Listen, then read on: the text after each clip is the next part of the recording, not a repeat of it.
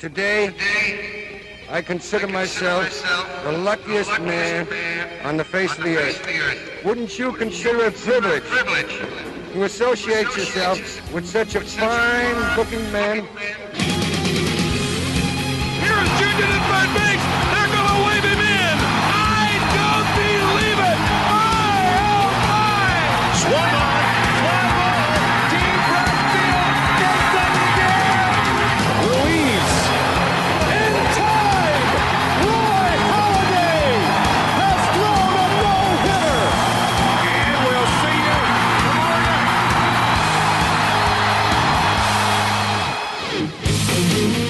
Welkom bij aflevering 55 van de Just a Bit Outside podcast. De enige echte MLB-podcast van Sport Amerika en de Lage Landen. En ja, we zijn ditmaal misschien een, beetje verlaat. Eh, ja, combinatie van sommigen, zoals ondergetekende, die lekker eh, van de zon aan het genieten waren op een, eh, in een ver oord. We hebben ook nog iemand die zit zelfs in Amerika. We hebben iemand die heeft zich in de schoolexamens zitten duiken voor, voor zijn werk. Dus ja, het was allemaal een beetje zoeken deze week. Maar we zijn er dan toch hier bij elkaar om in aanloop naar de All-Star break die er binnenkort aankomt, toch even de actualiteit door te nemen. En dat doe ik, Justin Kevenaar, niet alleen, maar dat doe ik met Jasper Roos Goeiedag. en met Nick D'Alessi. Hi. Ja, en allereerst dus een segment wat eh, ja, jullie vorige week eigenlijk hebben geïntroduceerd toen ik lekker eh, op Tenerife zat. Het moment waar we het niet over gaan hebben. Jasper, begin ik bij jou. Waar, waar gaan we het deze week niet over hebben? We gaan het zeker niet hebben over die mafcase van een Chris Basio, de voormalige Tigers pitching coach, die het nodig vond om een medewerker van de club eh, voor aap uit te schelden. En eh, dat heeft Chris Basio zijn baan gekost. En daar gaan we het verder helemaal niet over hebben. Meer dan terecht. Nick, waar gaan we het deze week niet over hebben? Het was weer Bobby Bonilla Day. De, de Mets moesten, moesten weer salaris uit gaan keren aan Bobby Bonilla, die lang geleden al gestopt is. Maar het, het, het wordt elk jaar hetzelfde riedeltje. We, we houden erover op. Ja, weet je wel dat hij nog steeds heel lang heel veel geld gaat eh, verdienen. Nog steeds, En mijn ja. moment waar we het niet over gaan hebben is Manny Machado. En niet omdat, hij, omdat we hem zo'n vervelende speler vinden of zo. Maar elke week word je maar weer doodgegooid met de geruchten. Waar gaat hij wel heen? Waar gaat hij niet heen? Nou, de conclusie is dat geloof ik zo'n beetje elk MLB-team... eh, van de, zelfs tot aan de Mets of de Royals toe nog kans maakt. Terwijl we ja, eigenlijk het niet helemaal heel erg goed weten waar die heen gaat. Zijn het de Dodgers, Diamondbacks, Braves? I don't know. Misschien de volgende keer dat we het helemaal gaan analyseren. Maar deze week gaan we dat dus niet doen. Dan naar dingen waar we het wel over gaan hebben. Momenten van de week, dingen die dan toch iets positiever opvielen. Jasper, geef ik hem weer aan jou. Wat was jouw moment van de week? Nou, vorige week zei ik in de show al dat ik eh, vol overtuiging Oregon State ging supporten in de College World Series. Dat zei ik zonder enige eh, voorkennis, want heel veel wist ik niet van Oregon State en Arkansas. Maar Oregon State heeft de College World Series gewonnen. Dus het team dat ik van tevoren aangewezen heb als eh, kanshebber, heeft de College World Series gewonnen. Maar niet voordat er in, eh, de, het is dus een best of eh, three, dus je moet twee wedstrijden winnen. Arkansas stond 1-0 voor in de serie en in de tweede wedstrijd eh, werd er in de laatste inning met een voorsprong van Arkansas een pop-up geslagen in foul territory. En die viel tussen drie spelers van Arkansas in op de grond. En je weet hoe dat gaat in het honkbal. Als je daaruit niet maakt, dan eh, kunnen er nog wel eens problemen mee komen. Dus Oregon State kwam in die tweede helft van de negende inning. Er kwam dus een, eh, die, loper, die jongen ging niet uit. Die kwam vervolgens op het honk. En Trevor Larnack, een, eh, een draftpick van dit jaar, eh, sloeg vervolgens een, eh, een bom van een home run, waardoor de serie 1-1 werd. En toen, ja, dan weet je dat Arkansas geknakt is. En die hebben de volgende dag hebben ze het eh, niet goed kunnen maken. Dus Oregon State, dankzij een ongelofelijke blunder in een van de wedstrijden, zijn College World Series kampioen van dit seizoen. Ja, ik heb er dit keer niet heel veel van meegekregen, moet ik zeggen, de College World Series. Maar ik heb altijd wel het gevoel dat juist omdat het niveau natuurlijk vanzelfsprekend wat lager is, dat je daarom vaker wat van die vermakelijke ja, blunders zou kunnen noemen. Sowieso vermakelijke wedstrijden krijgen, omdat het gewoon niet allemaal zo clean is als dat je gewend bent. Maar ik heb het inderdaad wel voorbij zien komen en Oregon State maakte wat dat betreft eh, goed gebruik van, kunnen we stellen. Nick, jouw moment van de week. Ja, eh, mijn moment van de week komt eh, in een wedstrijd van de Milwaukee Brewers tegen de Minnesota Twins. Kean Bruxton is terug in de majors. Vorig jaar een 2020 season, hè, 20 home runs, 20 steals. Dit jaar een beetje verguisd. Hij startte het jaar in de minors. Hij is nu terug door blessureleed. Eh ze hadden eigenlijk al een luxe probleem natuurlijk in het outfield. Maar hij is terug. Hij staat in centerfield. En eh gisteren pakte hij zomaar eventjes een home run eh, weg bij Brian Dozier in de negende inning. Weliswaar was het al 3-1. Eh Corey Knebel stond op de, op de heuvel en was het 1 out, 3-1, 0 mensen op het honk. Maar hij pakte hem toch maar mooi. Hele mooie vangbal, maar vooral zijn reactie in het outfield was fantastisch om te zien. Die jongen was zo ontzettend blij. Hij is eindelijk weer terug en hij stond het te vieren. Alsof hij de World Series had gewonnen. Eh, ik heb het eventjes geretweet. Je kan het zien op mijn eh, Twitter pagina. Ja, ik vrees alleen voor Kian dat het niet heel lang uh, zal duren. Want Jelic die is inmiddels alweer fit. Ja. En uh, wanneer Kane terugkomt, dan is het waarschijnlijk weer.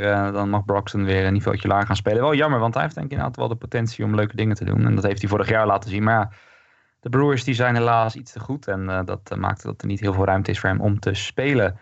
Waar ik het dan nog kort over wil hebben. Of nou ja, kort. De wedstrijd zelf was niet kort. De wedstrijd zelf die was lang. nou ja, echt. Je kan het gerust een marathonwedstrijd noemen tussen, nou ja, Nick, je zei het een beetje plagerig, misschien wel de twee minst belangrijke teams van de MLB. Uh, hopelijk uh, stoten we hiermee geen fans van deze ploegen tegen het zere been. Maar we hebben het over de Tampa Bay Rays en de Florida Marlins. Die strijden om de trots van Florida. En ja, afgelopen week in Miami 6000 mensen op de tribunes. Bepaald niet afgeladen, kunnen we stellen. Keken naar een wedstrijd. En ja, ik denk dat er aan het eind van de rit niet heel veel meer over waren. Want de wedstrijd duurde maar liefst vijf en een half uur. Uh, met uiteindelijk in de zestiende inning dan uh, toch de race die uiteindelijk toen wel in één keer in klap vijf runs over de plaat wisten te krijgen. Maar dat was al niet mee gedaan, want de manager die dacht van, uh, van de race, meneer Cash, die dacht, nou goed, we hebben de werpers al vrij, ja, die hebben we al vijf flink beladen de afgelopen tijd. Laten we onze catcher, Jesus Sucre, erin gooien. Die moet toch vast wel die voorsprong, op dat moment was het een voorsprong van vijf runs, die moet hij vast wel vast kunnen houden. Maar natuurlijk, wat gebeurt er? meteen de honken vol, want Sucre is geen werper. Dus ja, die kan het nou eenmaal niet zo goed. Moet, moest toch weer Jose Alvarado erin komen. Nou, die wist uiteindelijk dan uh, die rotzooi op te ruimen. Werd het 9-6. Maar het was echt een, ja, een bizarre wedstrijd. Zelfs nog twee hits van, uh, nou ja, Nick, dat zou je goed doen. Van een reliever, Vidal Nuno. Notabene een American League reliever. Die uh, slaat twee keer de bal met succes het veld in. Die trekt erbij dan wel meteen aan zijn hamstring daarna. weet het, hè, grote werpers die gaan rennen. Dat loopt niet zo snel. dat gaat meestal niet zo goed. En ja, Nuno moest er toen dus uit, of Nuno beter gezegd. En toen kwam Sucre erin. Eind goed al goed. Race wonnen met 9-6. Het was niet om aan te zien. En ik moet zeggen, diep respect voor alle mensen die uh, dat hebben uit kunnen zitten. Blijf even in de divisie van de Marlins. wat dat betreft, de National League East. Want de New York Mets, ja, daar gaat het niet veel beter mee. Die staan met de Marlins onderhand in de kelder van de National League. En ja, toch hebben de mensen natuurlijk wel wat talent rondlopen. Natuurlijk wel bekend met Jacob de Kram en Noah Syndergaard.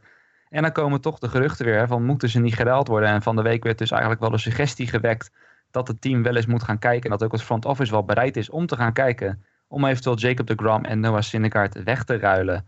Nick, uh, zou jij voorstander zijn van een eventuele trade van de Gram en Syndergaard vanuit Mets perspectief? Vanuit Mets perspectief, ja. Um, ik, ik heb het al eens een keer over gehad in de podcast dat ik ervoor ben dat ze een een van hun twee werpers gaan wegtraden. Uh, nou kwamen deze week de geruchten dat ze meer open zouden staan voor een trade van Syndergaard dan voor de Grom. En dat vind ik dan onbegrijpelijk. Hè? Er zit een verschil van vijf jaar tussen die twee. Syndergaard is 25, de Grom die is al 30. Uh, Syndergaard ligt nog drie jaar onder contract en de Grom twee. En in deze niche market, waarin eigenlijk helemaal geen enkele startende werper uh, van dat niveau beschikbaar is, zouden zij echt de speler zijn, vragen wat ze willen voor, voor een Jacob de Grom kunnen ze echt, echt een mega hal binnenhalen, denk ik. Voor zo'n jongen die nog een jaar doorloopt in zijn contract. En echt staat te werpen als een Young uh, winnaar. Als je die uh, wegtrade, de Grom, dan, dan, kan je zo, dan hoef je niet te rebuilden. Dat zei ik toen al. Je, je kan gewoon een reload doen. Dus je, je doet in één keer MLB's uh, eh, ready spelers binnenhalen. En, en je kan er gewoon door met je. Want je hebt nog verder rest best een nette jonge rotatie. Dus ik ben vanuit mes perspectief echt heel erg voor een trade van de Grom. En tegen een trade van Syndergaard. Maar kan je voor Syndergaard niet veel meer krijgen dan voor de Grom? Want om precies die redenen die, die jij nu aangeeft. Ik, ik denk dat de Mets veel meer gaten hebben dan je met één trade kan vullen. Zeker een trade voor de Grom. Dan krijg je misschien een keer drie, uh, uh, hoe heet het? Drie, drie Major League Ready spelers voor terug of zo. Uh, dat is natuurlijk prima. Maar volgens mij hebben de Mets veel meer gaten te vullen dan drie. En, en met, met Syndergaard kan je dan vijf of zes binnenhalen. Ja, hij is natuurlijk ja, wel vijf jaar jonger. En, en hij heeft aan de andere kant, denk je, ook wel weer meer, wat meer lights-out potential hè, met die fastball van hem. Ja, als je, je zijn inderdaad argumenten dat, dat hij meer waar moet zijn. Maar in deze markt kan je zoveel halen voor een DeGrom. Dat je dan vast kan houden aan een Syndergaard, denk ik. Ja, nou ja, maar dat is dan dus inderdaad de vraag. Ik stel dat ze inderdaad in de ideale wereld voor allebei evenveel zouden kijken. Dan lijkt het mij net ook de logische keuze om de Grom weg te doen. Want ja, inderdaad simpelweg vanwege het feit dat hij ouder is. En als je dan misschien nog eens kijkt vanuit fanperspectief, denk ik ook zelf dat uh, Syndergaard ook wel net een iets iconischere status heeft bij de mensachterban. Hè? Voor zover dat dan nog wat waard is, zeg maar. Uh, dat zij ook al meer waarde aan hechten dat Syndergaard blijft, denk ik, dan de Grom. Ondanks dat met fans natuurlijk hartstikke blij zijn met uh, Jacob de Grom. Maar hè, heeft toch altijd ook die grappen en gollen en zo op, op social media en zo. Dat is wel echt, ik denk, de meest populaire speler die ze momenteel hebben. Ja, of David Wright misschien nog, hè, die is officieel nog steeds een speler. misschien is hij nog de meest populaire. Hij, hij staat nog op het roster ergens. Maar ja, er valt wat voor te zeggen. Maar ik denk wel, als je kijkt naar de status van de Mets nu. Ja, het, het, is natuurlijk hard gegaan. Hè. Begin van het seizoen waren we allemaal nog vol lof hè, over... ik weet nog, Jasper, jij zei het Mickey's Boys. En dat het allemaal zo goed eruit zag. Ze gingen er allemaal voor. En het is eigenlijk net zo snel als dat het goed ging, is het net zo snel uit elkaar geklapt. En, ja, aan de eh, ene kant vind ik dat ook wel weer prima. Want ik bedoel, ik, ik, ik, was even bang dat ik ontzettend op mijn bek ging met het feit dat ik voor dit seizoen riep die Mets, dat is eigenlijk helemaal niks. Het, het, het, dat gaat hem niet worden dit jaar. toen voelde ik me de eerste maand van het seizoen heel stom. Maar inmiddels voel ik me iets minder stom. Zo zie je, maar altijd rustig blijven. En de honkbalseizoen duurt langer dan, dan, dan één maand gelukkig. een bruggetje naar de maand juni. Nick, want uh, nou ja, we, er zitten allemaal altijd wat, uh, wat talking points erin. Jij kwam met het volgende talking point. En dat was wel dat juni een maand was met buitengewoon veel strikeouts. Leg eens uit, Nick. Ja, ja, in de hele historie van MLB was voor dit jaar nog nooit gebeurd dat er meer strikeouts in een maand waren dan hits. Toen gebeurde in de eerste maand van het seizoen uh, gebeurde het wel. Er werden voor het eerst meer strikeouts dan hits. De tweede maand hadden we dat op de voorlaatste dag ook nog gingen nog net, hadden nog net een goede dag van de offenses en, en, en, en sloog, hadden nog een positief saldo. Maar deze maand hebben we gewoon weer meer strikeouts dan hits. Ja, het is toch een beetje eh, waar ik in mijn artikel Sport Amerika ook al naar verwees. Ehm, we krijgen zo'n uh, pure outcome game dat je op een gegeven moment echt een home run, een strikeout of een walk krijgt. Want singles, ja, daar hecht, men in de MLB steeds minder waarde aan. Het, een, een, een, keep the line moving aanval, het is eigenlijk helemaal niet meer van deze tijd. En, en dat is waar Rob Manfred, uh, denk ik, een uh, probleem mee heeft. Je hebt toch wel steeds minder acties in een game. Steeds meer die camera op de pitcher en de catcher en de slagman. Steeds minder het veld in. Je kan je sterren niet zien in het veld. En ik denk dat uh, Manfred dat gaat aanpakken. Ja, ja de, de vraag die ik alleen hardop stel, hoe, hoe kan men dat aanpakken, bijvoorbeeld? Ja, hij heeft natuurlijk al wat suggesties gedaan. Hè. Hij wil graag dat de, de shifts worden verbannen bijvoorbeeld. Waardoor de vast, vaste plekken komen voor de defensieve spelers. Kijk, dat, dat, ja, daar kan je vraagtekens bij zetten. Um, hij, heeft, hij heeft wel wat ideeën hoor. Kijk, een automatic strike zone zal natuurlijk ook een beetje hetzelfde effect gaan hebben. Als, als, een, als een strike zone altijd vast is, dan, kan je, dan zullen pitch, pitchers en werpers daar veel meer zeg maar, in moeten gaan werken. En dan zal je toch meer contact gaan krijgen met de bal, denk ik, dan wat je nu krijgt. Ja. Ja, nou ja, dat laatste punt is denk ik altijd een, een beter punt. Als ik inderdaad hoor van shifts verbannen, dan denk ik van ja, hoe wil je dat echt uit gaan voeren? En dan ga je team straffen zeg maar voor innovativiteit die ze hebben gevonden om, om defensief beter erop te staan. Uh, daarnaast levert het af en toe wel eens vermakelijke beelden op. Ik, eh, ik geloof, een klein maandje geleden heb ik jullie nog wel een screenshot gestuurd van de shift die de Rockies geloof ik uh, hadden. Waar geloof ik iedereen behalve de, de korte stop, die stond aan de rechterkant van het veld bij wijze van spreken. het levert af en toe wel wat, wat idioterie op, maar ja, wel veel, veel strikeouts inderdaad. En dat is aan de ene kant, ja, wie van werpers houdt en van pitching games is het prachtig. Wie van de offense houdt is het af en toe even, even slikken wat dat betreft. Uh, dan naar de Rockies. Oh nee, wil je wat nog wat over zeggen? Nou ja, je ziet natuurlijk ook een stuk minder defensive places. Hè? Als je van verdediging houdt, mooie acties in het veld. Er zijn gewoon veel minder acties op de bal. We hebben dit jaar, we liggen op koers om 10.000 ballen minder het veld erin te zien gaan dan vijf jaar geleden, geloof ik. Nou ja, dat zijn 10.000 plays per jaar die niet gemaakt hoeven te worden. Dat is ook zonde, denk ik hoor. Want je kan wel genieten van een hele mooie defensive actie. En uh, ja, dat, die highlight reels staan toch vol met, met korte stops die uh, mooie ballen pakken. Ja, dat ga je gewoon minder zien. Ja. Nou, er valt inderdaad voor alles wat, wat te zeggen. En ik denk, nou ja, zelfs in Colorado, we laten daar dan maar naartoe gaan naar Colorado. Ik denk dat ze zelfs daar merken. Ik bedoel, Coors Field is altijd bekend om de offense. Uh, zelfs daar zal er licht wat achteruit gaan. Maar ook met de prestaties van de Rockies gaat het een beetje achteruit. Als het vergelijken met vorig jaar. Vorig jaar nog de verrassing. Dit jaar toch een beetje ja, in, de, in, de, in de middenmoot van de National League beland. Staan momenteel 4,5 games achter op een wildcard. Ook in National League West lijken ze toch wel nu wat, uh, nu wat achterstand op te lopen ten opzichte van de Diamondbacks en de Dodgers. Lijken niet echt stabiel genoeg. En dan krijg je alweer de eerste berichten die waarschijnlijk menig Rockies-fans een beetje angstig zullen maken. Namelijk dat Nolan Arenado het verliezen zat is. En dat hij bij het front office nog heeft gepusht dat er wat moet gebeuren. In ieder geval iets om ervoor te zorgen dat er nou ja, minder wordt verloren inderdaad. Mijn vraag is dan, uh, Jasper, stel ik tenminste jou, ja, in hoeverre moeten de Rockies hierover, hierover zorgen maken dat Arenado zich blijkbaar zo erg uh, uitspreekt over uh, de nederlagen? Ja, dat moeten ze zeker. En wel om, om, vanwege meerdere zaken. Ten eerste natuurlijk heb je te maken met de ster van je organisatie. Nolan Arenado is, is ja, de man waar je je franchise omheen wil gaan bouwen. Waar je met een beetje mazzel eh, als hij free agent wordt over een jaar, dat je hem een dik contract aanbiedt en, eh, en een verlenging eh, bij, bij Colorado. En dat hij natuurlijk ja, het gezegd de nieuwe Todd Helton wordt van de Colorado Rockies. Ja.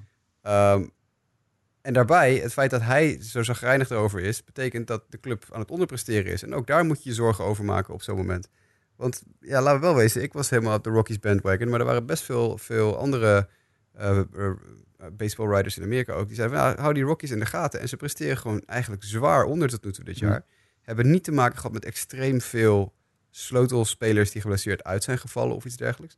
Het is gewoon van boven tot onder een, een echt een onderpresterend team. Nu John Gray teruggestuurd naar AAA. Uh, de ace van de, van de pitching staff. Dus ja, weet je, dat, dat zijn allemaal dingen waar je als organisatie toch even achter je oren moet krabben. Van shit, ten eerste gaat het gewoon niet goed. En ten tweede begint dat nu ook zijn tol te eisen op onze ster. En we willen natuurlijk wel onze ster binnen de deur houden. Dus ik, uh, ja, ik zou als ik de Rockies was zeker eventjes met Nolan om de tafel gaan en zeggen... hey, um, hoe denk jij dat we het beter kunnen doen of zo? Ja, dat is wat dat betreft. Uh, ik moet trouwens meteen denken nu we het over de Rockies hebben. De Nationals zitten een beetje in, in, hetzelfde bootje als het ware.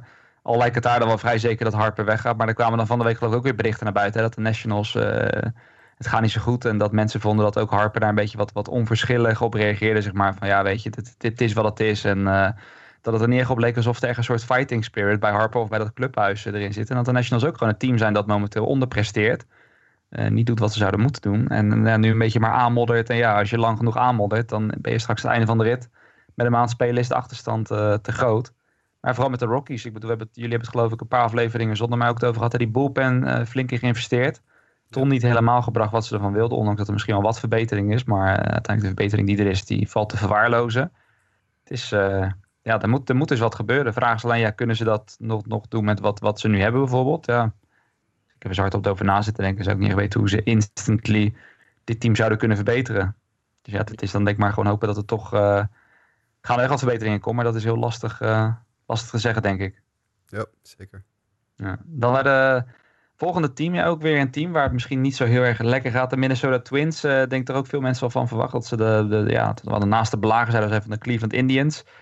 Maar op het moment dat we dit opnemen, de Twins die staan ook gewoon in de kelder van de AL Central. Met de White Sox en met de Royals en met de Tigers. Misschien is dat niet zo verrassend, maar de Twins staan er dus ook gewoon tussen. Ste stevige kelder in die AL Central trouwens. Ja, dat wel. Ja. Ik bedoel, uh, de, de, Indians hebben dan, de Indians hebben dan eindelijk de vorm te pakken hoor. Maar zelfs al hadden ze gewoon rond 500 gestaan, dan hadden ze ook gewoon makkelijk bovenaan gestaan. Ja. Dat is echt uh, bizar wat dat betreft. Maar uh, ja, Nick, jij wil dat even over die Twins hebben, want ja, jij vond dat een van hun, ja, ik weet niet of je nog een sterspeler kan noemen van de Twins, maar in ieder geval een van hun pionnen, mogelijke toekomststerren. Jij vindt ja. dat een van die sterren wordt misbruikt? Ja, ik vind zeker. Het gaat voor mij over Byron Buxton, hè, hun centerfielder. Vorig jaar uh, was het op zich in de tweede helft echt een, echt een breakout. Hij werd uiteindelijk 18e MVP-voting en won nou, met afstand een gold glove in centerfield. Dit jaar staat hij echt nou ja, het, is niet. Het, ik bedoel, ik neem de Twins nu van alles kwalijk. Maar Byron Buxton zelf heeft het ook niet echt in hand geforceerd. Hij staat echt als een natte krant te slaan. Hè? Een batting average van 1,56. Een, OBP van 1,83 en een slugging van 200. Nou, dat slaat helemaal nergens op. Dat is gewoon echt, echt slecht. Maar wat nou de Twins hebben gedaan, hè? Byron Buxton, die brak op een gegeven moment een teen in zijn voet. Uh, zetten ze hem op de DL. Dan laten ze hem op een gegeven moment terugkeren uh, met die gebroken voet. Dus dan, uh, ga jij nog maar eventjes uh, in het centerfield staan een aantal weken. Heeft hij dat allemaal gedaan voor die organization? Vervolgens ging het echt niet meer. Hij staat ook echt, hij, hij sloeg niks meer. Hij had pijn, hij, kon amper nog rennen. Zetten hem toch meer op de DL. En wat de Twins nou doen, die, die moeten hem op een gegeven moment op een rehab assignment sturen.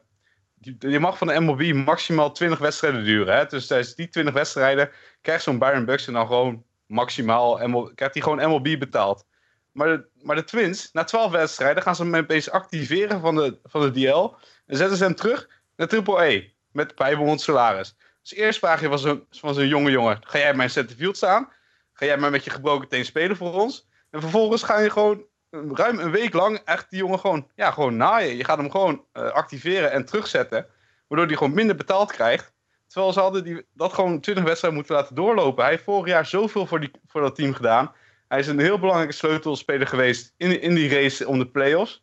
Dit jaar inderdaad niet veel, maar je vraagt van hem wel gewoon: speel met een gebroken teen. En dan vervolgens ga je hem straffen. Ik vind het echt schandalig. Nou, Twins organisatie. Uh, stik die maar in je zak. Nik de lesje op je, op je dak. ja, ja. Nee, het is al. Uh, Inderdaad, ik moet zeggen, deze achtergrond wist ik niet. Ik las inderdaad wel van de week naar Triple A en dan, dan zie je die statistieken inderdaad en denk je van ja, nou ja, oké, eh, misschien niet zo gek, maar dat met, met die achtergrond is het wel eh, ja, discutabel. Laten we dan wel meteen een ander twinspuntje anders erbij pakken, wat misschien wel een bijkomend voordeel was en wat misschien ook best wel grappig is. Eh, Jasper, we hadden het allebei eh, vooraf over dezelfde speler. Zijn naam is Williams Estudio. Het is eigenlijk al van waarschijnlijk weet jij iets meer over zijn achtergrond dan, eh, dan ik weet als, als prospect watcher, maar het is een jongen ik zal even alvast snel introduceren. Het is een jongen van 26 jaar, bijna 27, uit Venezuela. Nou ja, afgelopen week pas zijn debuut gemaakt. Een laadbloeier wat dat betreft. Maar ja, als je naar zijn stats kijkt, wel een hele aparte laadbloeier, hè? Het is een eh, heel gekke, gekke kwestie, de, de kwestie Astudio. Eh hij is namelijk eh, nee, niet, nooit echt een top prospect geweest. Nooit echt een, jongen waarvan de, Twins dachten van nou, dit gaat er echt eentje worden. Nooit echt een, een, een, iemand die bijvoorbeeld heel erg powerhitter was of zo. Hij is niet zo heel groot, 5 voet 9. een beetje een propje. Stevig, wel, wel stevig in de breedte, maar niet in de lengte. Maar die gozer, die, dat is echt ongelooflijk. Ik wist het ook niet, ik heb me daar even in verdiept. Die, die krijgt nooit strikeouts. Maar ook echt, ook nooit strikeouts. Die gozer heeft 2342 wedstrij- eh, plaat eh, eh, appearances, plate appearances in de minor league gehad. Dus, dus pak een beetje, laten we zeggen, 2500 eh, slagbeurten gehad in de minors. Dat is een vier volledige major league seizoenen, min of meer. Van pak een beetje 600 slagbeurten per seizoen. En hij heeft 76 strikeouts gehad in die tijd. Ja, 76 strikeouts in 2.500 minor league plate appearances. Dat is minder dan 20 strikeouts per seizoen. Er zijn op dit moment nu al 47 major leaguers die al ten minste 76 keer hebben, eh, een- strikeout hebben gehad. Al- Dit seizoen alleen al. We zijn 2,5 maand, 3,5 maand bezig. Er zijn op dit moment al 173 minor leaguers die 76 keer of meer een strikeout hebben gehad. Hij heeft in 2.500 slagbeurten 76 strikeouts gehad. Nou, dat vind ik een, een, een skill die verdient het wel om eventjes in de Major League te komen klooien. En dat, eh, dat meen ik serieus. Het is echt een, ik eh, ja, een goede naam ook, hè? Williams, best, best een goede naam. Maar ook een, een leuke gozer om te zien. Lekker een beetje zo'n zo'n mollig rond, uh, rond kereltje. Rent er een beetje iedereen uit zijn lijf. hoop heeft, zeg maar, dat iedereen wel professioneel sporter kan worden. Wat je bouwt. Ja, nee, echt. Nee, maar serieus, joh. Echt. Het is, echt, het is fantastisch om te zien dat, dat die jongen niet alleen zijn kans krijgt, maar ook nog best wel veel uitprobeert te halen op dit moment. Het gaat best, best aardig met hem. Hij staat niet, hij loopt niet voor gek of zo. Hij heeft heel veel verschillende posities gespeeld ook in zijn carrière. Hij is begonnen als catcher, doorgegroeid naar, naar eh, infieldposities, outfieldposities. En hij, eh, ik geloof dat hij nu tweede honk speelt, geloof ik, eh, af en toe voor de Twins, als Dozier even geen zin heeft. Ja. Dus eh, nou, het is echt eh, een heel, heel leuke speler om eventjes eh, te gaan volgen. Williams als studio. Ja, nou, het grappige is, jij hebt het nu erg over, over die strikeouts, maar dat, dat, dat las ik dan toevallig van de week ook ergens. Ook qua walks is hij niet heel erg, dat, dat hij graag loopt, zeg maar. Hij komt echt met zijn mentaliteit naar de plaat toe van wat er ook gebeurt. Ik zorg ervoor dat die, dat, die, dat die bal in het spel komt. Want ook, ook Ja. je ziet het ook nu in de majors. Hij heeft nu 14 plate appearances gehad. Eh, toch al 5 hits, 3 RBI's, maar 0 eh, vrije lopen en 0 strikeouts uiteraard. Dat heeft Ja. hij dan ook gedaan. Hij heeft ook verdedigend één keer in left field, één keer in center field, twee keer op derde honk en één keer op het tweede honk gestaan. En hij is van origine inderdaad, het schijnt hij een catcher te zijn. Dus eh, ja, dit, dit geeft het, eh, de naam Zwitser zakmes een hele andere dimensie. Nou, hij heeft ook wel een beetje de bouw voor een catcher natuurlijk veel meer dan, dan een, dan een, eh, een fieldspeler, dan een infield of outfield speler. Het is echt een prototype pudgy eh, eh, bouw. Dat is eh, een heel aparte figuur. Ja, en ook dan qua outfield, dat, dat is dan het laatste wat ik over zou zeggen, maar dat las ik dan ook laatst nog ergens, dat hij geloof ik toen hij het outfield stond, stond hij daar met Logan Morrison en met nog een andere Twins knakker, die ook niet bepaald atletisch is. Dat men ook bijna dat outfield per definitie wilde verkondigen tot het slechtste defensieve outfield ooit. En dat bij een organisatie waar bijvoorbeeld jongen, een jongen als Buxton rondloopt, defensief Kepler. wel wat kan. Ja, Ja. Kepler inderdaad ook, dus ja, dat kan soms snel gaan wat dat betreft. Dan iets anders, want ik zei net aan het begin al, de All-Star Break die komt er binnenkort aan. En die rosters lijken zo min of meer wel vast te staan. Sterker nog, als ik het goed zeg, op het moment dat wij dit opnemen, eh, over een paar uurtjes gaan geloof ik eh, de bussen sluiten. Dus dan kunnen mensen ook niet meer stemmen. Eh, maar er zijn toch nog een paar, we gaan niet al die posities over, want eh, bepaald die stonden al vast. Die hebben we de voorgaande week al laten passeren en daar is niks meer in veranderd. Maar er zijn nu nog vier posities en daar kunnen we misschien even kort onze favoriet over uitspreken wie we daar willen hebben. Vier posities waar het nog niet helemaal beslist is. Beginnen we in de National League bij de catchers. Daar is het echt een letterlijk een nek-aan-nek race. Want ik heb hier dan een, een stand voor me. En dat zal waarschijnlijk continu veranderen. Maar in deze stand staat Wilson Contreras nog 20.000 stemmen, pak een beet, voor op eh, Buster Posey. Ja, zeg het maar Jasper, ja, als eerste. Wie, wie wil je liever? Contreras of Posey? Oeh. Ik, eh, Hmm.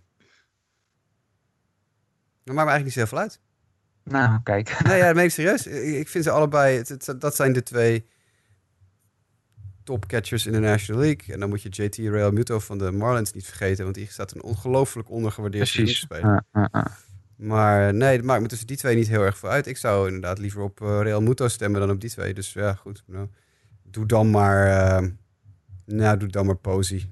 Ja. Nou ja, dat Real Muto die staat hier niet bij. Die, zal- die zal waarschijnlijk te ver achter staan. Eh, ja, dat Ja, is weer het nadeel van voor de Marlins spelen. Die, eh, daar heb je niet een heel eh, krat vol met loyale fans dat je even open kan gooien. Nick, ik, ja, ik, ik, wil, ik ga toch aan je vragen. Ik zelfs, zal, al, zelfs al gaan we hier volledig objectief zitten, maar ik maak zal, je case maar. ik zal objectief zijn. Hè? Ik vind dat, dat Posey en Contreras zijn eigenlijk... Inderdaad, GT Real Muto moet het halen. En daarnaast moet Francisco Cervelli het halen. Dat zijn eigenlijk ook bij hun teams de enige twee... Kijk, de Pittsburgh Pirates zenden Cervelli. En eh, de Miami Marlins zenden Real Muto. En dat zijn de enige twee die hun teams kunnen representeren. Want de rest van die teams, ja, die kunnen eigenlijk echt niet in aanmerking komen voor de All-Star Game. Dus die twee moeten sowieso. Dan heb je eigenlijk nog maar één plekje. Nou ja, de fanvote zal dan... Ja, ja, ik zou Po- Posey natuurlijk nemen, maar eh, qua jong en, en ja, qua uitstraling, ik weet het. Kijk, Real, eh is leuk voor de oldschool, eh maar Contreras is denk ik op dit moment eh, aanvallend, wat in een All-Star Game wat, wat boeiender is dan, dan, een, dan een pitcher coachen en leiden. Contreras dan maar. Ja, ja, ik wil hetzelfde zeggen. Puur, ik ga geen statistieken erbij halen. Maar ja, Posey heeft er al een paar keer gestaan. die heeft al vaak genoeg in de All-Star Game gestaan. Voor Contreras zou het zijn eerste keer zijn. En dan heb ik ook zoiets van, nou ja, leuk als hij het eh, zou halen. En met zo'n Real Muto mag je toch wel hopen dat hij uiteindelijk, eh, als ik even zo snel denk bij de Marlins, ja, wie zou er anders heen moeten gaan? Dus het, het lijkt me wel dat Real Muto er ook wel, eh, er ook wel bij komt uiteindelijk als afgevaardigde voor de Marlins. Andere kwestie is die van second base. En daar hebben we eigenlijk een driekoppige strijd met onze landgenoot Ozzy Albies volgens deze stand nog aan kop. Javier Baez die staat daar zo'n nou ja, 100.000 stemmen ongeveer achter. En Scooter Jeanette staat daar dan weer vlak achter. Ehm ja, Jasper, gaan we toch voor onze landgenoot route dat hij het haalt, Albies? Zou je dat terecht vinden? Tuurlijk. Ja, nee, absoluut. Hij heeft wel een moeilijkere periode gehad eh, net. Hij, is, hij begint net weer een beetje uit een enorme slump eh, te, komen. Maar eh, ja, luister, er is, er is voor mijn gevoel, dit zijn de drie tweede honkmensen waar, waar i- iedereen, iedere week wel iets over te vertellen is. Ozzy doet geweldige dingen, maar ook Javi Baez staat echt out of his mind te honkballen op dit moment. Als die slides van van de week ook weer ziet van hem, nou, dat is echt ongelooflijk. Eh, en, en Scooter Jeanette heeft een, eh, ja, een legendarisch seizoen. Sowieso de Reds offense is ineens helemaal los. Dus dat is wel ook wel geinig om te zien. Dus dit zijn wel de drie jongens waar het voor mij een beetje tussen gaat. En ja, dan heb ik natuurlijk altijd de voorkeur voor, eh, voor landgenoten. Dus dan zeg ik altijd eh Ozzy Albies. Ja, vind jij hetzelfde, Nick? Nee. ja, je bent het inmiddels misschien een beetje van mij gewend, maar daar ben ik, ja, inderdaad, als die Elvis, oké, als landgenoot zeg ik ja, maar anders zeg ik Scooter Jeanette. Want die, Kijk, sta- die staat een, een jaar te slaan, een batting average van eh 332, OBP 372 en, en, en dan een, slugging percentage, weet je wel, van 526. En dat, gaat, ja, dat steekt toch wel echt echt, die andere twee steken daar wel iets bij af. Hè? Dat, eh, ik bedoel, Gavi staat daar gewoon ruim 40 onder Ja, te spelen. zeker. En, eh, Zeker. en eh, Albi staat er eigenlijk ook eh, 40, 50 onder te slaan. Dus ja, ik vind Scooter Jeanette. Ja, nou ja, het is ook een beetje, kijk, daar kom je weer een beetje bij de kwestie. Hè. Ik denk, stel dat Scooter Jeanette voor de Cubs had gespeeld, dan eh, had hij inmiddels al 5 miljoen stemmen. En dan had hij misschien Ja. zelfs de meeste stemmen van heel het veld eh, gehad eh, op elke Zeker. positie. Zeker. Maar hij speelt voor de Reds. Dat is dan al, ja, ik- niet grappig bedoel, een soort van handicap wat betreft het stemmen. Ja. En ja, ik, ik vrees voor hem dat het ook hem... hij blijft wel dichtbij, hè, zoals deze stand laat zien. Maar ik denk dat hij dat gaat redden. En ik denk dan LB's. En als het dan tussen LB's en Bayers zou gaan, ja, dan, dan gun ik het LB's toch wel. Dat zou ik Ja. wel leuk vinden. Dan nog, twee, ja, dan nog twee kwesties in de American League die we nog even soort van moeten bekijken. De eerste is het eerste honk. Uh, naar Jose Abreu eigenlijk al de hele tijd dat we dit hebben besproken heeft hij aan kop gestaan. Hij staat ook nog steeds aan kop. Uh, alleen dit keer is dan niet meer Mitch Moreland van de Boston Red Sox zijn dichtstbijzijnde concurrent. Die is inmiddels weggevallen. Uh, maar nu staat ineens wel Juli Gurriel erbij. Want ja, Jasper, je zei het van tevoren. De Houston Astros fanbase die lijkt wakker te zijn geworden. En die is massaal gaan stemmen. Uh, want ja, toch als we uiteindelijk alles naast elkaar leggen, moet Abreu deze krijgen, toch? Tussen die twee wel, ja. Ja, ik vond die hele discussie over Moreland al hilarisch om te, om te beginnen. Dus dat is een heel ander punt. Maar uh, Gurriel is een hele goede honkballer hoor. En uh, ik bedoel, uh, hè, daar kan je op zich niks, uh, niks tegen zeggen. Maar Abreu, los van een paar wat mindere weken nu, de laatste paar weken, is het gewoon met afstand denk ik de beste eerste honkman over de hele eerste helft van het seizoen gebleken. Dus eh, ja, er is voor mij geen discussie over mogelijk. Nee, vind jij hetzelfde, Nick? Ja, ik sluit me aan. Kijk, helder. Kunnen we snel door, want dat is dan de laatste korte stop. Daar hebben we ja, misschien toch weer een beetje ook weer een kwestie van wat we dan hebben bij de White Sox zien. Uh, toch een speler die voor een wat kleinere franchise speelt. Manny Machado, we, we gaan het dan toch over hem hebben. Niet over de twee geruchten, maar toch over het feit dat hij hier bovenaan staat. Uh, hij staat dus nog bovenaan bij de korte stop. En terecht lijkt mij. Alleen ja, Carlos Correa van de Astros. Die zit hem dan toch op de hielen. Want zoals we zeiden, de Astros-fans zijn wakker geworden, Jasper. Ja, ja, het, is, ja het is hetzelfde verhaal een beetje. Ik bedoel, Correa heeft natuurlijk wel wat, uh, wat, wat opstartproblemen gehad en wat blessureprobleempjes gehad. Maar ja, ja ik, ik, ik, ik, ik vind het wel interessant dat die twee nu nek aan nek gaan. Want dat zijn natuurlijk wel, denk ik, de twee beste korte stops uit de American League. Ik zit even heel snel in mijn hoofd. Francisco Lindor. Lindor. Lindor. Oh ja, Lindor vergeet. Maar zeg ik, ik, ik had voor mijn gevoel vergat ik er al eentje. En ik denk, ah, ja, ja, wacht even, wat zeg ik? Ja, die staat er dus niet bij hier. Ja. Zal waarschijnlijk Nee, derde ja. staan, maar... Dat denk ik, ja. Ik denk dat die derde staat. En dat, dat, die heeft ook een, echt een, weer een fabelachtige week ook weer achter de rug. Met een multi-homer game en noem maar op. Ja. Ehm, dus ja, en natuurlijk moet ik eigenlijk even Didi noemen hier. Maar Didi heeft eh, na die geweldige maand april eh, geen deuk in een pakje boter meer geslagen. Dus dat is, eh, dat is wel een beetje einde verhaal voor zijn All-Star kansen. Maar ja, nee, ja, ik luister. Als, als neutrale fan, hè, als je, als je, want de All-Star game kijk je toch eigenlijk bijna altijd als neutrale liefhebber. Het maakt mij echt geen klap uit of Machado, Lindor of uh, Correa daar op korte stop staat. Hoe dan ook heb ik, uh, heb ik het naar mijn zin. Ja. Nou, nou ja, wat dat betreft, is dat trouwens wel grappig nu over Lindor hebben. Hebben Indians fans uh, verzaken die toch een beetje dit jaar? Want ja. je kijkt over de hele breedte. Ja, oké, okay, tuurlijk, Ozzy Ramirez staat bovenaan bij derde honk. Dat mag ook wel op zich, denk ik. Als je zijn seizoen bekijkt, als daar niet genoeg objectieve fans op stemmen, dan, dan is er echt iets mis met het systeem. Maar uh, ja, voor de rest, ik zie ook bij het outfield, hè, waar je vaak die homer pick ziet, zie ik ook. Ja, alleen Michael Brantley dan daar, rond plek 6. Dus ja, er is natuurlijk beetje... sowieso wel wat mis met het systeem, maar los daarvan ja. inderdaad. ja, het blijft natuurlijk altijd uh, vatbaar voor dit soort... Uh... Maar goed, er gaat natuurlijk meer Indians de All-Star Game in uh, als de, de, de managers en pitching staff gaan samenstellen en zo. Dan krijg je Kluber, dan krijg je misschien wel Carrasco, dan krijg je... Bauer. Bauer zeker. hoe heet die closer ook alweer? Cody nog iets? Ja, Cody Allen. Die zal niet gaan. Die, die. Maar Correa, ja, die is ook geblesseerd. Hè? Die zal misschien niet eens spelen nou, tot de All-Star break. Dus die zal waarschijnlijk Klopt. niet gaan. Maar ja. Nee, dan, dus dan krijg je dat weer, die kwestie weer. Ja, ik, ik, verwacht echt wel een, een handvol Indians hoor, in de All-Star. Ja, zeker. Ja, dat, dat zou ook wel terecht zijn. Nog even één ding voordat we doorgaan naar de mailbag. Want dat zie ik dan toevallig net op mijn telefoon verschijnen. We hebben het net over die discussie. Syndergaard of de Cromie moeten ze wegruilen. En dan zie je hier een uh, bericht van uh, Sportsnet New York. Uh, die dan berichten dat nu de shift has, de focus has shifted, beter gezegd. Away from dealing Jacob de Gram en Noah Syndergaard. And it will now turn to Steven Metz en Zach Wheeler. Ja. ja. Daar, krijgen, daar krijgen ze een zak ballen en twee hotdogs voor. Helemaal niks. Ik kan het zeggen, vooral Zach Wheeler, dat is helemaal een rollercoaster. We denken geen enkel team uh, veel, uh, veel prospects voor naartoe, uh, naar de Mets toe wil gooien, zeg maar. Ja, Mets, dat, dat, daar sta ik nog wat positiever ja. tegenover. Als je vanuit een ander team kijkt en je wilt inhalen, maar ja, dat zou dan toch wel een beetje zo'n halfbakken Mets-oplossing zijn. Van oké, okay, we doen wat weg, maar toch de wat mindere jongens. En dan hopen dat we volgend jaar weer een push kunnen maken. Ja, ik, ja. ik reken er, er, niet op. En dat is trouwens dan nog het laatste wat ik wilde zeggen voordat we naar die All-Star break gaan. Dat was meer een soort observatie, wat ik voorafgaand zei, die ik deed. Dat is eigenlijk de stand in de hele MLB. Want mensen zullen het misschien zich nog van vorig jaar herinneren. Terwijl we het heel het jaar, of nou ja, heel het jaar, zo ongeveer vanaf de All-Star break over hoe spannend de American League wel niet was. En die wildcard race, uh, terwijl de National League eigenlijk alles al gespeeld leek. Want de Rockies en de Diamondbacks, voor mensen die zich nog herinneren, die liepen weg met die wildcard. En dat was eigenlijk voor de rest van de National League helemaal niks meer aan. En dit keer is het eigenlijk omgedraaid. Want kijk je naar de National League. Niet alleen is bijvoorbeeld een divisie als de National League East heel spannend. De Central is spannend met de Brewers en de Cubs. De West is spannend aan de top. Nou, al die teams zitten dus ook in de wildcard race dicht bij elkaar. Maak het zelfs Marlins, die nou ja, gewoon, nou ja, kunnen we zeggen KUT spelen. maar op 13 games achterstand staan uh, van een wildcard. En die staan laatste. En als je kijkt naar de National League, nou, dan zie je achterstanden van de Orioles van 30 wedstrijden. Van de Royals 29,5. White Sox 24,5. Twins 18. Nou ja, ga zo maar door. Enige eigenlijk die dan daar een beetje dupe van zijn momenteel, de Oakland Athletics. Een team waar we het niet zoveel over hebben, maar die staan gewoon heel netjes momenteel. 48-39. Maar ja, die zitten in een supersterke divisie met de Mariners en de Astros. En de American League East is gevuld met de Red Sox en de Yankees. En uh, ja, zo zitten de Athletics momenteel in een situatie. In de National League zouden ze makkelijk een wildcard hebben. Misschien zelfs een divisieleiding hebben.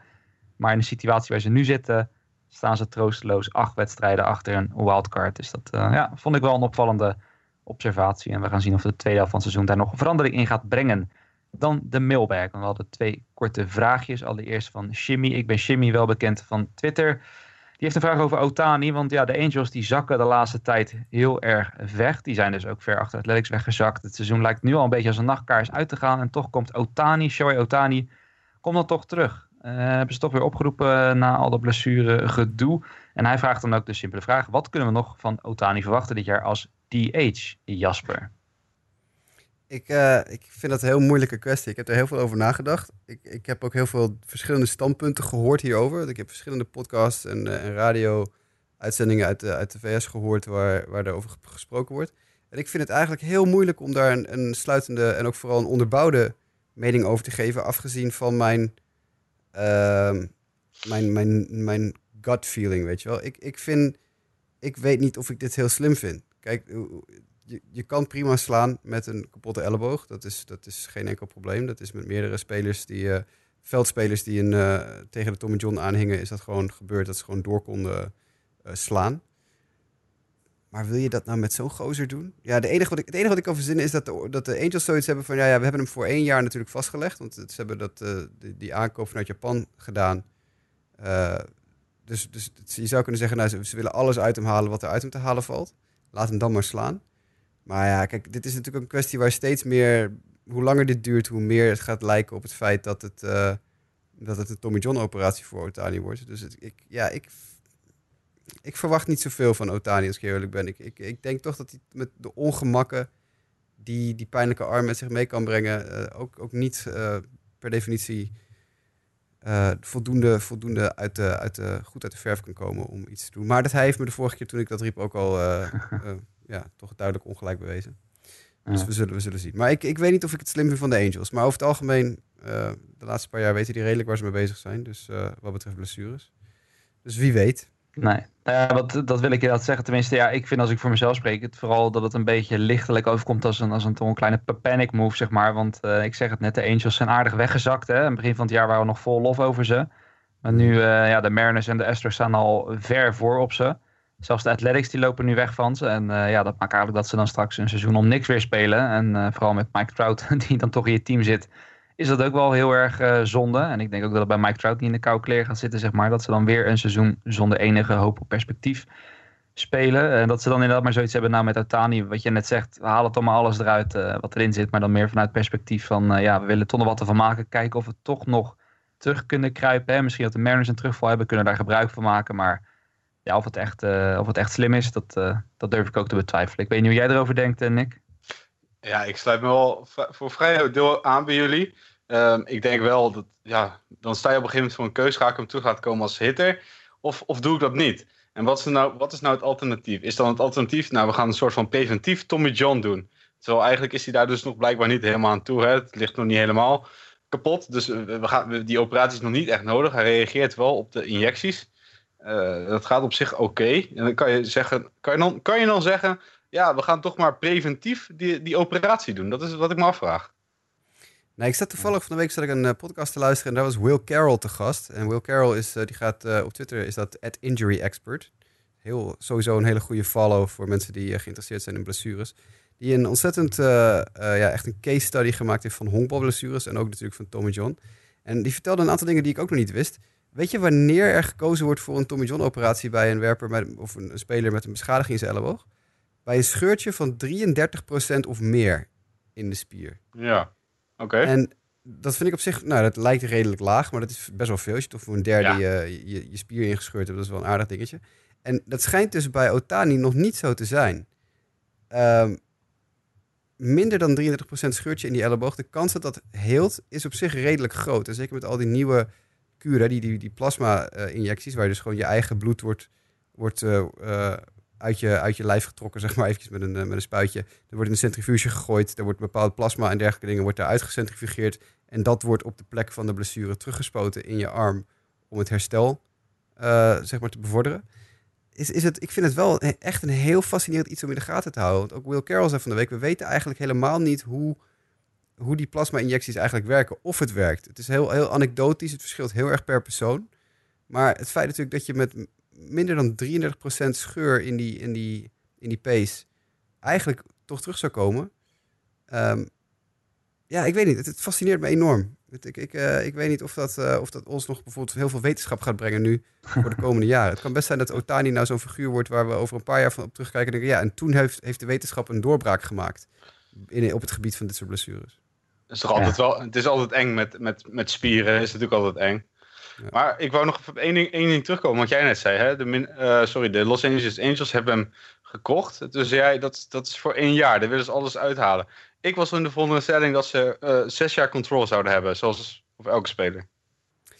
Is dat zo? Dat- ja, ik denk dat ze hem gewoon een contract... En volgens mij heeft hij gewoon... Volgens mij niet. Nee? Ik ga even googlen. Volgens mij is dat een van de redenen dat hij ook voor, dat, dat hij ervoor heeft kunnen kiezen. Maar ik ga even, even zoeken wat zijn contractstatus is. Hoor. Dat zou best kunnen dat je gelijk hebt. Even kijken. Ah, het is wel relevant Het is met natuurlijk die voor Japanners de, vaak is het wat lastiger. eh, Ja. Even kijken hoor. voor de... Want volgens mij is hij onder de soort rookie-regels... is hij nog hier naartoe gekomen. Ja, hij heeft natuurlijk die signing bonus van een paar miljoen gehad. Hè. Daar heb je Ja. natuurlijk een aantal dingen kan je daarmee eh mee uit. eh, Hij had, hij, had, hij had twee jaar la- later moeten komen. Dan had hij natuurlijk kunnen doen wat hij wil. Maar nu, nu... Ik denk dat hij nog zes jaar onder controle heeft. En dat hij daarom ook zo... Dat het zo'n groot ding was om hem te contracteren. Als je hem voor één jaartje hebt. Ja, Even lezen hoor, een momentje. Ja. Eh, ja, dat zit hem in die bonus natuurlijk. Want hij zit wel op het minimumsalaris. Maar hij heeft natuurlijk die, eh, die tekenbonus van 2,5 miljoen gehad. 2, wat is het? 2,3. Dus daardoor, eh, ja, oké. Ja, nee, dan heb, dat zal een dingetje wel zijn. dus toch zes jaar. Ja, in totaal zes jaar. Dus niet nog zes jaar. Nee, vijf hierna vijf jaar. Ja. Ja, dat is natuurlijk wel relevant voor de beslissing van de Angels. Hè? Wat gaan we nou doen? Als het één jaar is, dan... Ja, als je hem dan... Ja, je maakt hem, ja, dan maak je iets kapot wat je geleend hebt. Maar dit is wel echt, echt hun ding. Hun toekomst. Mhm. Ja, dus uiteindelijk als ik dan de vraag van Jimmy terugkijk, is eigenlijk het antwoord misschien niemand weet wat we kunnen verwachten. Behalve misschien eh, Otani zelf of eh, misschien iemand die eh, zich heel erg heeft verdiept in het eh, voorspellen en waarzeggen en dat soort dingen. Nog, Mensen één, met nog één dingetje hierover. Wacht even, Ja. ik- sorry Justin. Nu- Maakt niet nu uit. Dit, ik, ik zit nog even iets te lezen hier. En we zitten misschien nu iets te lang te praten over Otani. Maar ik begin me nu een ineens wat af te vragen. Er is, er is toen, toen hij die keuze maakte om naar Amerika te komen... toen is er heel duidelijk gezegd... ja, als hij, hij komt nu als op zijn 23ste... dat betekent dat, er maar, dat hij maar, nou, wat is het... eh, eh, een paar honderdduizend dollar kan krijgen. Eh, plus die bonus natuurlijk. In plaats van de 200 of 300 miljoen die hij kan verdienen als een free agent... als hij op zijn 25ste naar Amerika komt. Want dat was die hele regel, hè? Dat je als Ja. je uit het buitenland komt, moet je 25 zijn... Om, eh, eh, om in aanmerking te komen voor de grote contracten. Abreu Ja. was de laatste grote, geloof ik. Die was geloof ik 27, 26 of zo. Toen hij naar Amerika kwam. En die mocht dus voor een enorme bak geld tekenen. Hij niet. En ik zit me nu af te vragen. Hij heeft er toen een punt van gemaakt. Hij heeft vorige zomer, of was het eh, september of zo, gezegd... ik ga naar Amerika. Ik heb die keuze gemaakt. Want eh, ik wil heel graag in Amerika spelen. En ik ben bereid om al dat geld eh, te laten schieten. Ja. Drie weken daarna of zo, eh, toen, of wat is het, twee weken nadat de Angels hem gecontacteerd hebben, komt naar buiten dat hij wat gedonder met zijn elleboog heeft gehad, weet je. Of ervoor zelfs nog. Dat hij in oktober ook al een paar injecties heeft gehad in, in Japan. Zou, zou hij al meer geweten hebben? Zou hij geroepen hebben, zou, zou hij bedacht hebben van, hey shit, ik, ik weet dat mijn elleboog niet helemaal flex is. Het voelt niet helemaal 100%. Ik ga nu naar Amerika om nog even in ieder geval iets, in ieder geval nog een paar miljoen te kunnen binnenharken voordat ik eh, definitief eh, kapot ga. Of misschien heeft hij gedacht, ik wil in Amerika zijn voor de operatie. Als ik een operatie moet ondergaan, want daar hebben ze meer ervaring ermee of zo. Ik, eh, ik, ik weet niet, ik begin daar ineens iets over na te denken. Dus ik zie natuurlijk nu heel veel, heel veel spoken. Het is wel een Maar- inter- inter- natuurlijk wel interessant punt. Maar aan de ene kant maak je een afweging tussen de, drie jaar minimum contract. Wat is het? vijf, zes ton? Eh, Ja, geloof ik. Ja. ja, Vijf- precies. vijf- 45. Ja, precies, zoiets. En dan, en dan drie arbitration years, waar je ook nog recht op hebt. Nou ja, die, die ga je helemaal niks verdienen. Als je elleboog kapot is, dan krijg je gewoon echt niet veel. Ehm, en aan de andere kant moet hij dan twee jaar door in Japan, waar gewoon op afstand van alle MLB-clubs, die doen wel hun research, maar dan kan je wel gewoon, ja, wat zou het minimum zijn? Hè? Als hij, hij stond het jaar voordat hij naar de Angels ging ook al bijna het hele jaar, geloof ik, aan de kant. Dan krijgt hij toch wel 100 miljoen misschien, minstens. Dus dan Ja, is die kost, kost risico, die risicoafweging is wel heel groot. Dan moet hij wel weten dat hij echt helemaal kapot is. En dat lijkt me niet het geval. Nou, want dan hadden de Angels hem geen contract aangeboden als hij Nee. helemaal kapot is. Maar je kan natuurlijk zeggen dat hij wel gedacht heeft van shit, het, eh, ik, ik moet die stap nu gaan maken en nu mijn gezicht in Amerika laten zien. Want anders zijn ze hem over twee jaar weer vergeten of zo. Ik noem maar even wat. Al die hype die natuurlijk om hem heen hing vorig jaar, Ja. was echt gigantisch. Ja, nou, al zeg je nu wel van anders hadden de Angels hem niet gecontacteerd. Maar als ik die uh, disabled list die ik toevallig aan de appgroep stuurde nu zie, dan weet ik niet hoe deskundig de medische staf van de Angels is. dat, daar staat echt een bootlood. Vooral werpers trouwens hoor. Ik bedoel, er staan hier denk ik al 1, 2, 3, 4, 5, 6, 7, 8, 9, 9 werpers staan erop. Nou, eentje komt er dan terug, uh, als ik het goed heb. Of, oh, nee, die is er af, Richards. Ja, die is er af. Nee, 9 werpers staan er dus niet op. ja, Richards is dus wel de, de success story een beetje van, ja. uh, van de Angels. Omdat ze in zoverre, ze hebben hem dus geen Tommy John laten doen, maar ze ja. hebben hem die, al die, uh, die injecties toegedaan. En dat is een tijdje toen heel goed gegaan. Maar ja. Ja, dat is nu ook weer een beetje, uh, ja, een beetje, dat het inderdaad aan de ene kant goed gaat, maar hij is nu inderdaad wel weer een keer ja, inderdaad uh, die help gegaan. Hij is nu inderdaad weer net opgeroepen, ik geloof gisteren of vandaag zelfs. Ja. Zij er weer af, maar uh, ja, de Angels hebben wat dat betreft genoeg blessureproblemen. Gaan we door naar de volgende vraag. Ander team wat ook wel met wat blessureproblemen heeft te dealen. Op het gebied van pitching, de New York Yankees. Joachim die vroeg op Twitter, de Yankees komen nu al starting pitching tekort. Maar zelfs dan, wat moeten ze in hemelsnaam met Sonny Gray aan, Nick? ja. ja. Wat moeten ze met hem? Ja, dat is wel een hele dat is een goede vraag. Ik wil Joachim ook nog even bedanken. Het was op mijn, uh, mijn oproepje van uh, help mij. We gaan met z'n tweeën de podcast in en uh, help mij met wat vragen. ja, Sonny Gray. Toen hij bij de Oakland A speelde, was het echt een hele van, was gewoon een fantastische pitcher. Hè? Hij, in zijn eerste jaar debuteerde hij al geweldig. En toen kwam in zijn tweede en derde jaar, gooide hij alle twee jaren meer dan 200 innings. Wat eigenlijk ongelooflijk is. Echt een, echt een workhorse. Met een heel respectabele ERA elk jaar. Uh, zijn VIP, dus zijn uh, nou, FIP moet ik zeggen, zijn Fielding Independent Pitching. Dus stel je had de defense weg, wat, wat doet dat dan? Was dan elk jaar rond de 350, nog wel lager zelfs. Nou, bij de, maar de Yankees zie je ineens dat dat stijgt naar bijna 5. hoe komt dat dan? Ja, zijn whip is een stuk omhoog gegaan, dus zijn, zijn, zijn walks en hits per inning is een stuk omhoog gegaan. Hij wordt een stuk makkelijker geraakt. De strikeouts zijn eigenlijk hetzelfde gebleven. Je zou toch kunnen denken, ja, is het de druk van New York? Is het, is het, is het dat wat, wat minder pitching-friendly stadion waar de, waar de Yankees in spelen? Ik wijt het toch vooral aan de druk en dat hij dat waarschijnlijk niet helemaal aan kan. Je kan inderdaad, als je Yankees bent, hem niet vertrouwen voor, in de playoffs. Je kan hem niet uh, de tweede of derde starter maken daar. Dus de Yankees zullen toch echt noodgedwongen een, een, uh, move moeten gaan maken. Want achter Severino ja, dan heb je Cici Sabathia bijvoorbeeld, maar... En Gray. Ja, ik denk toch dat de Yankees zijn echt in de market voor, voor zo'n pitcher als de Grom of Syndergaard. Ja. Ja, want het is ook inderdaad, de, afgelopen weken, eh, tijd lopen ze een tijdje te jojoen met uh, wat jongere werpers dan. Domingo Herman, die, die mag dan nou geloof ik wel uh, een soort van langer blijven.